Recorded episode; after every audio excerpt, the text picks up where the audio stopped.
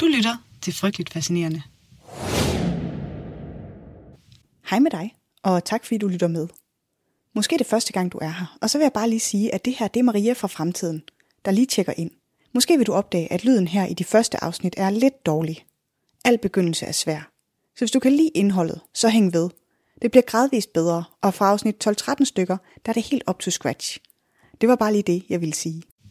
Omkring årtusindskiftet bliver Sverige vidne til et særligt fænomen blandt afviste asylansøgerbørn, som hverken Danmark, Norge eller andre lande i verden har set mage til.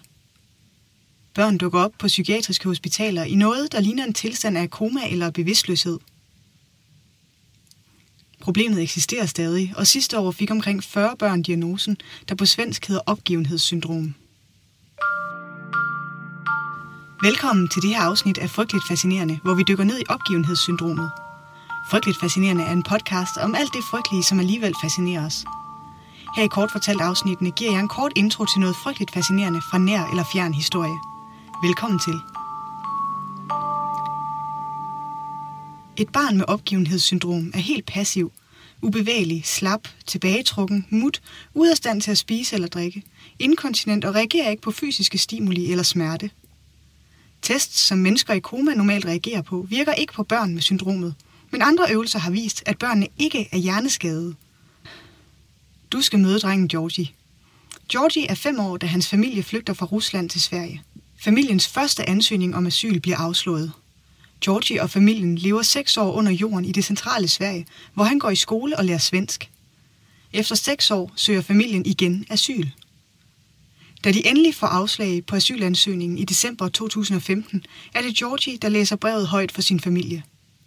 Da han er færdig, går han direkte op på sit værelse og ligger sig i sin seng. Næste morgen nægter han at stå op. Og han nægter også at spise. Efter en uge har han tabt sig næsten 6 kilo. Han bliver kørt til sygehuset, og da en læge lægger en sonde på ham gennem hans næse, viser han ingen modstand. Han viser ingenting. Georgie får diagnosen opgivenhedssyndrom. Diagnosen giver man til asylansøgere fra lande fra det tidligere Sovjetunionen og det tidligere Jugoslavien. Undersøgelser af fænomenet blandt flygtningebørn viser, at børnene kan blive så apatiske, at de skal have sondemad. Problemerne starter, når de får afslag på asyl, og først når de endelig får en opholdstilladelse, begynder deres helbredelse. Den kan tage flere uger, men det begynder med opholdstilladelsen. Georgie tilses jævnligt efter han får diagnosen. Lægerne gnider på hans brystben og presser på hans fingernegle. Test som normalt fremkalder en reaktion hos patienter i koma, men Georgie rører sig ikke. Til gengæld bøjer han sin store tog, når man stryger ham under foden. Det viser, at han ikke er hjerneskadet. Så vidt vi ved, er ingen af de apatiske børn døde, men der er eksempler på, at nogle af børnene har været sengeliggende i fire år. For Georgie går der et halvt år, før han slår øjnene op. Det sker to uger efter, at familien får permanent opholdstilladelse. En opholdstilladelse, som de får netop på grund af hans tilstand. Der går flere måneder, før han kan komme tilbage i skole. Hvis du lyttede med i sidste uge, hvor vi dykkede ned i massepsykogen sygdom, så synes du måske, at noget af det her virker bekendt. Tab af bevidsthed, fysiske symptomer på psykiske tilstande. Og det er faktisk også derfor, jeg har taget fat i opgivenhedssyndromet i dag, fordi det udover at være frygteligt fascinerende, så også kan ses som sådan en type af massepsykogen sygdom. Den er nemlig smitsom. Bemærkelsesværdigt så eksisterer den kun i Sverige, og kun blandt flygtningebørn – og får et barn diagnosen på et asylcenter, er det mere sandsynligt, at andre børn følger efter. Og selvom diagnosen i Sverige først bliver indført i 2014, så ved man allerede i 2005, at over 400 børn lider af syndromet. Dengang skriver mere end 40 psykiater til den svenske migrationsminister og anklager regeringen for systematisk og offentlig børnemishandling. Samtidig viser svenske nyhedsprogrammer billeder af børn på borgere, der bliver sat ind på fly for at blive udvist – og 160.000 svenskere skriver under på, at udvisningen af asylansøgerbørn og deres familier skal stoppes.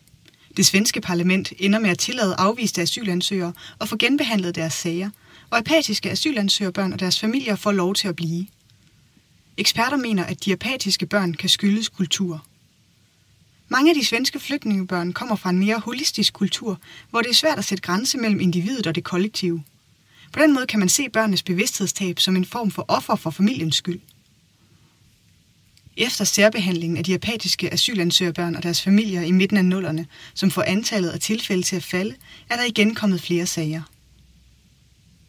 I 2013 bliver der udgivet en 76 sider lang manual fra Socialstyrelsen i Sverige. Her står der, at en permanent opholdstilladelse betragtes som langt den mest effektive behandling af de apatiske børn. Spørgsmålet om, hvorfor syndromet er opstået netop i Sverige, er stadig ubesvaret. Nogle mener, at det er Sveriges ry som et sted, der giver asyl til mange, der gør det. Når børnene får afslag på asyl i Sverige, så har de svært ved at tro på deres muligheder. Det var historien om opgivenhedssyndromet. Kort fortalt er frygteligt fascinerende. Researchet, skrevet, optaget og redigeret af mig. Jeg hedder Maria. Næste afsnit kommer allerede i næste uge, og du kan høre det i iTunes, Spotify eller der, hvor du normalt lytter til podcast. Du kan følge Frygteligt Fascinerende på Instagram, og gør det endelig, hvis du ikke allerede har gjort det. Hvis du kunne lide det, du hørte, så giv gerne podcasten en anmeldelse. Det hjælper andre med at blive frygteligt fascineret. Tak for nu.